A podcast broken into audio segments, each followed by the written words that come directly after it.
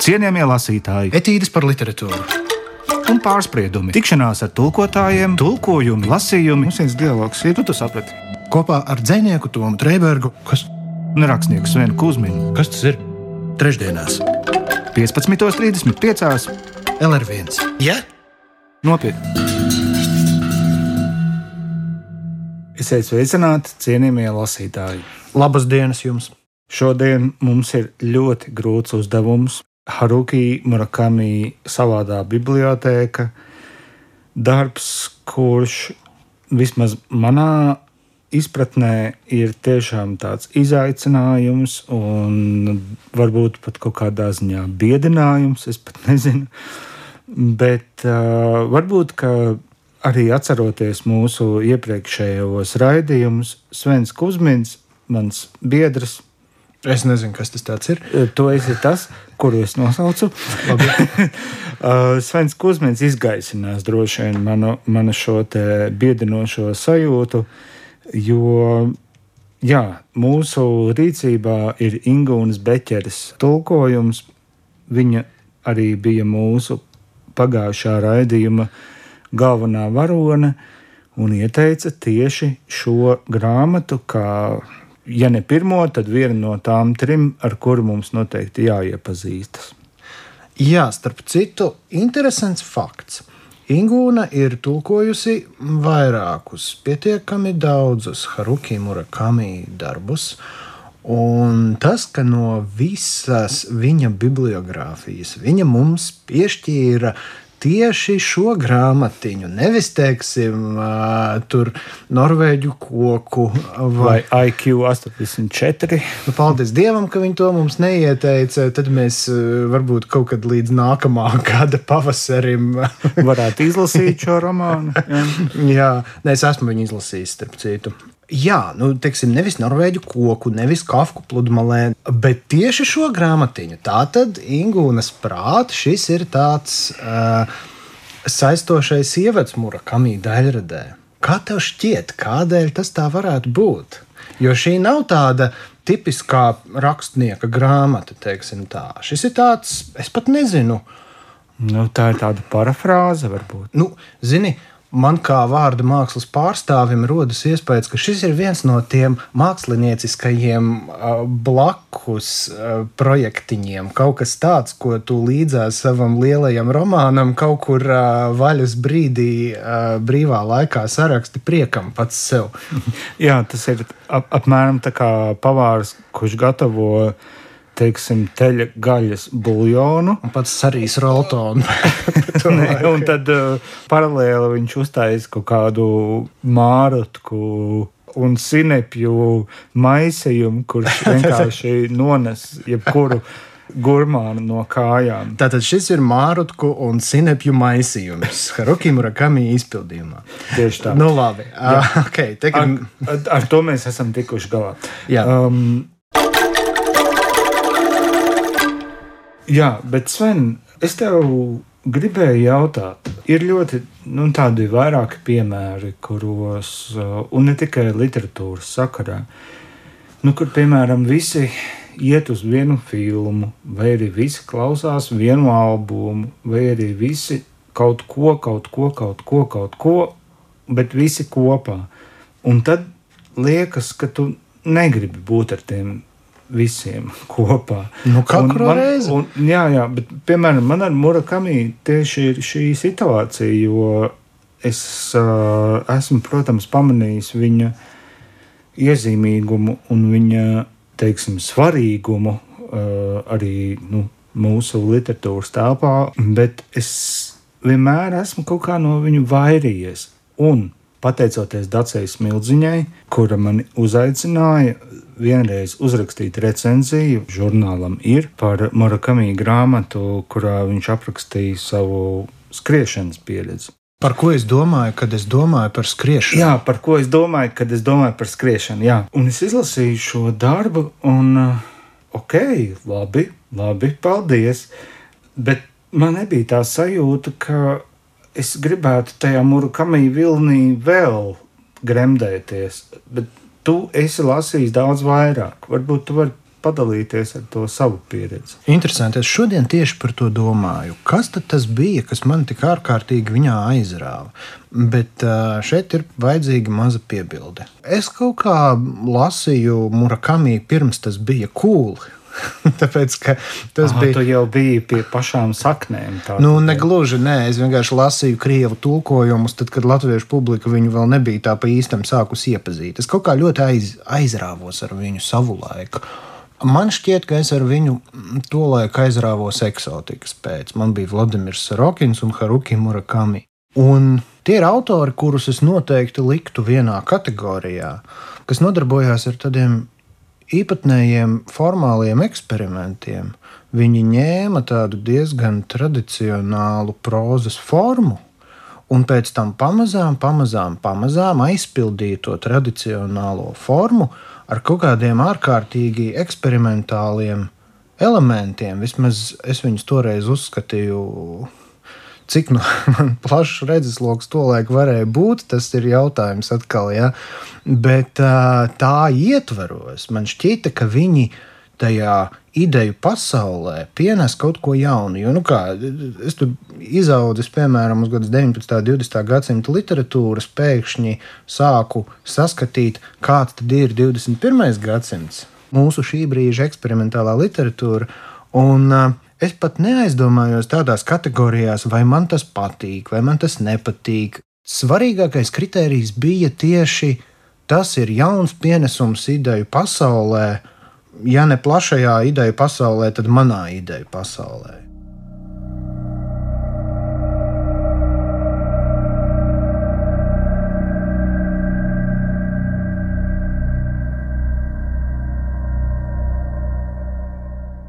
Seko man, vecais vīrs teica. Nedaudz tālāk gaitenis sazarojās pa labi un pa kreisi, vecais vīrs iegriezās pa labi. Kad brīdi bijām gājuši, gaitenis atkal sazarojās pa labi un pa kreisi. Šoreiz vecais vīrs iegriezās pa kreisi. Visādu atzaru un pagriezienu bija vai nes cik, bet vecais vīrs, ine brīdi neapdomājies, aizvien iegriezās te pa labi, te pa kreisi, iegāja atkal citā gaitenī. Man galvā bija pavisam liels apjukums. Tā gan bija viena dīvaina lieta, ka pilsētas bibliotekas pagrabstāvā varētu būt tāds labirints. Pilsētas bibliotekai nekad nepietika budžeta, un tai diezin vai pietika līdzekļu šāda maza labirinta izbūvēšanai. Gribēju pavaicāt par to vecajam vīram, bet Nobijies, ka viņš atkal mani norās no šī nodomā teicos. Un tad beidzot šis labirints bija galā, atdūries pret lielām dzelzceļa durvīm. Pie durvīm piestiprinātā plāksnīte vēstīja lasītava. Visapkārt tāds klusums kā pusnaktī kapsētā. Vecais vīrs izvilka no kabatas atslēgu saišķi un to grabinādams sameklēja vienu atslēgu. Veclaicīgu, lielu atslēgu. Tad ielika atslēgas caurumā un uzmetis man īsu, bet zīmīgu skatienu, pagriez to pa labi. Tā skaļi noskrapstēja. Durvis vērās vaļā, spalgi kliegdamas, uzdzīdamas nepatīkamu sajūtu. Nu tad, vecais vīrs teica, ej nu iekšā. Tur iekšā? Tur gan. Bet vai tur nav galīgi tumšs? Es iebildu. Aiz durvīm pavērās melna tums, kā caurums kosmosā. Vecais vīrs pagriezās pret mani un iztaisnoja muguru. Iztaisnojot muguru, viņš kļuva par varana auguma vīru, un zem baltajām garajām uzacīm acis viņam spīdēja kā kazai mīkrēslī. Vai tu esi no tiem, kas par katru mazāko sīkumu sūdzas? Nē, tā nav. Es tikai kā tu man esi apnicis, vecais vīrs noteica. Atradīs jebkuru iemeslu, lai noniecinātu to laipnību, ko citi viņam izrādījuši. Īsts plukats.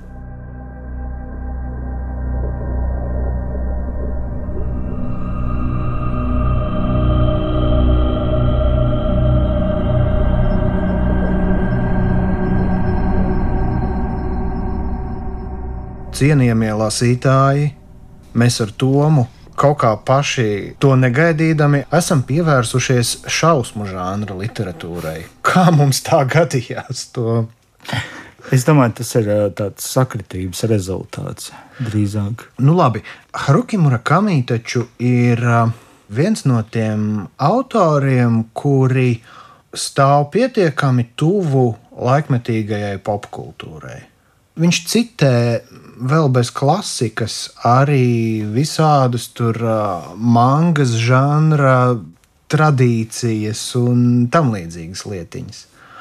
Un, man šķiet ļoti interesanti.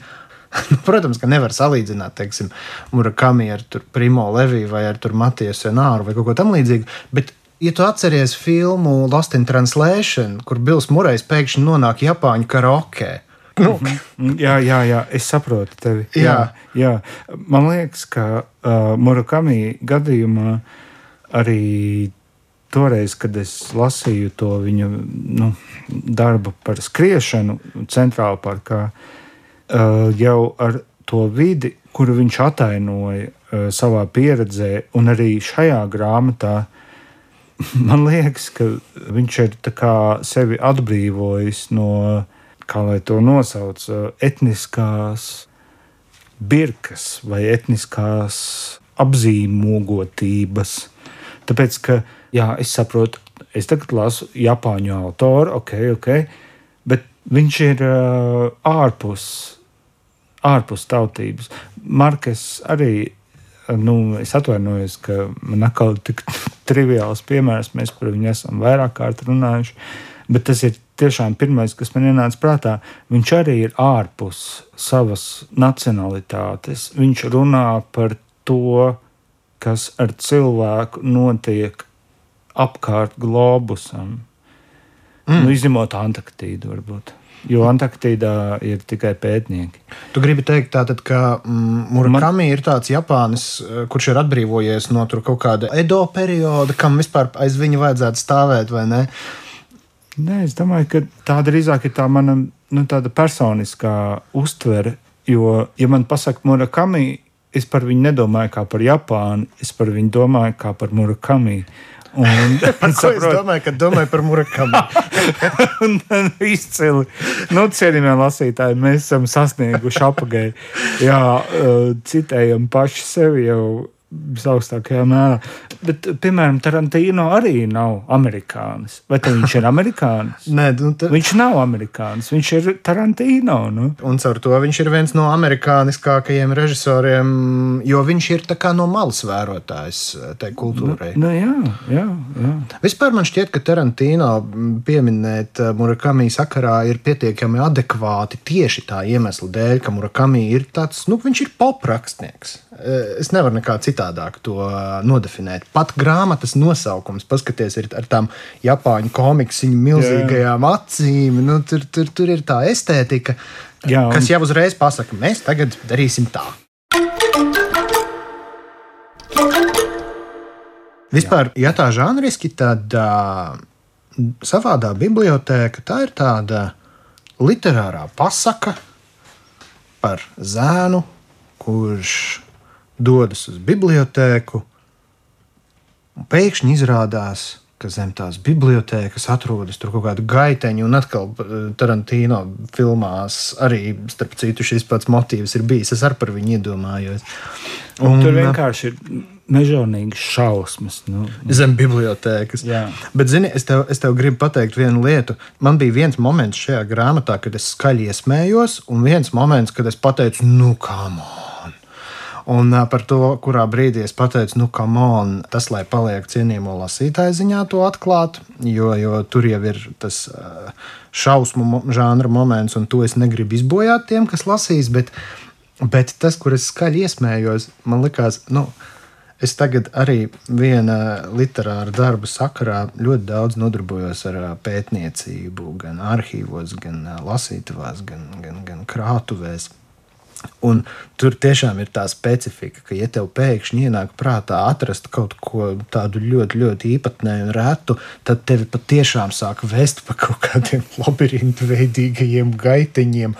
Un, uh, tur tiešām ir kaut kādi cilvēki dīvainos tērpos, un nu, diena liekas, ka tu esi kaut kādā Boska karnevālā nokļuvis uh, caur to bibliotēku. Un tu domā, bet es taču tikai gribēju palasīt Marijas akurātēras vēstules. Nekā nebija. Sēdi pagrabā. Jā, jā, jā. Marijas akurātēras vēstules. Jā. jā. Un tad ar šīs grāmatas varoni arī kaut kas tāds notiek. Viņš ietiet, pēkšņi viņš izdomā, ka viņam vajag Osmaņu impērijas nodokļu uzskaitas grāmatas palasīt. Nu tā. Savaigās jā, tāpēc, ka, ne? kāpēc negribētu nu, palasīt tā. šādas grāmatas? Jā. Nu, un kā jau tas šādos gadījumos mēdz būt,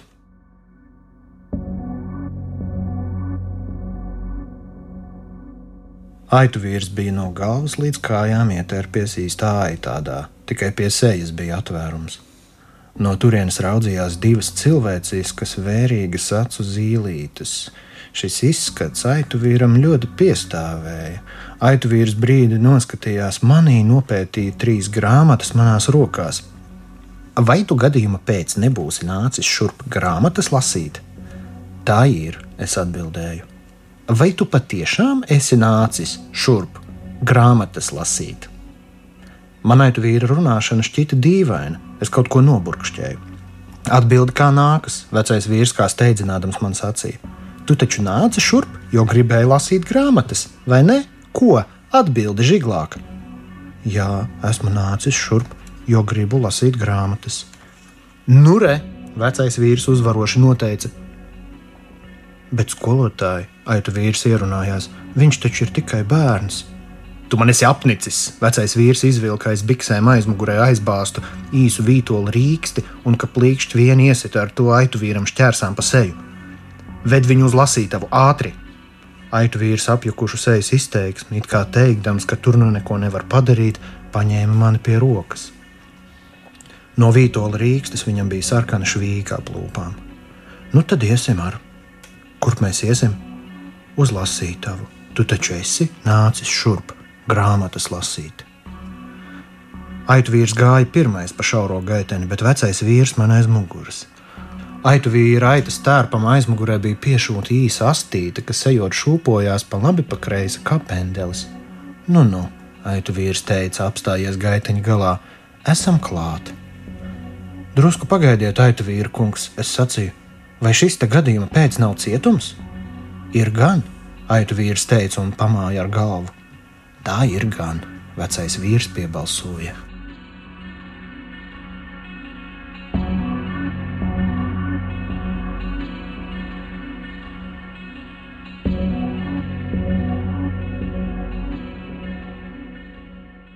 Cienījamie lasītāji, šodien mēs jūs iepazīstinājām ar Haruki Murakami grāmatu savādā bibliotēka, kuru ir tulkojusi Ingūna Beķere, un kur arī ieteica mums šo grāmatu pārlapot mūsu raidījuma ciklā.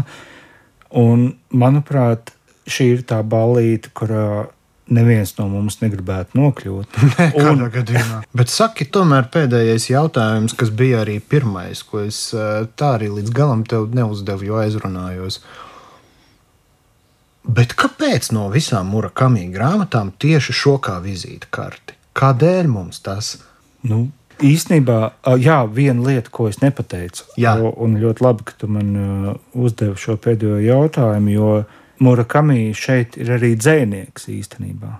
Dzēnieks? Jā. Kādā veidā viņš ir dzēnieks? Uh, viņš ir dzēnieks tajā veidā, ka šeit ir iejausta arī nu, tāda alegoriska mīlestības parafrāze ar, ar meiteni, un pie tam ar mēmu meiteni, kura uh, runā ar žestiem. Bet viņš tos žestus dzird kā vārdus. Jā, viņš, jā, un vēl bez tā, arī, arī bez šīs meitenes ir uh, daži ļoti svarīgi pieturpunkti, kuros Murakami atzīmē to, ka, nu, jā, protams, viņš eh, šo nelielo noveli ir eh, savērpis kā tādu krāsainu karuseli, bet pats vērtīgākais ir dažas atzīmes, kuras viņš tomēr kā piestiprina kā tādus ceļa rādītājus, varbūt. Bet arī šeit to dzīslo momentu es pamanīju. Mm -hmm. Un ko nozīmē dzīskais moments? To, ka tu nosvied dažreiz lasītājam uz galda instrumentu kasti un pasaki, ka viņā strādās tikai viens uzgrieznis un viena stelotslēga. Mm -hmm. Un Murakami dara tieši to pašu. Un te ļoti īsts fragments par to.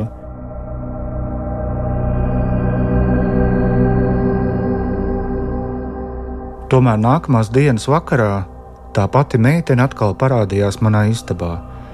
Šoreiz vakariņās bija tulūzas desiņas ar kartupeļu salātiem, pildīts sarkanais asaris, rutku dīkstu salāti, liels krosāns un tēja ar medu. Tas viss izskatījās ļoti garšīgi. Ēd lēnām, lai nekas nepaliek pāri, tā meitene man ar žestiem teica. Paklau, bet kas tu īsti esi? Es pavaicāju. Es esmu es un viss. Bet tā itu vīra kungs teica, ka tevis nemaz nesot. Meitene maigi piespieda pirkstu pie smalkajām lūpām. Es uzreiz apklusu. Aitu vīram ir aitu vīra pasaule, un man ir mana pasaule, un tev ir tavējā. Vai tā nav? Tā ir gan. Un tāpēc, ja manis nav aitu vīra pasaulē, tas jau nenozīmē, ka manis nav vispār. Tad jau iznāk, es sacīju, tādas dažādas pasaules, te viss sajaukušās kopā. Tava pasaule, mana pasaule, aitu vīra pasaule, reizēm tās pārklājas, bet reizēm ne. Vai tā? Meitene divreiz viegli pamāja. Vispār man nav grūta galva.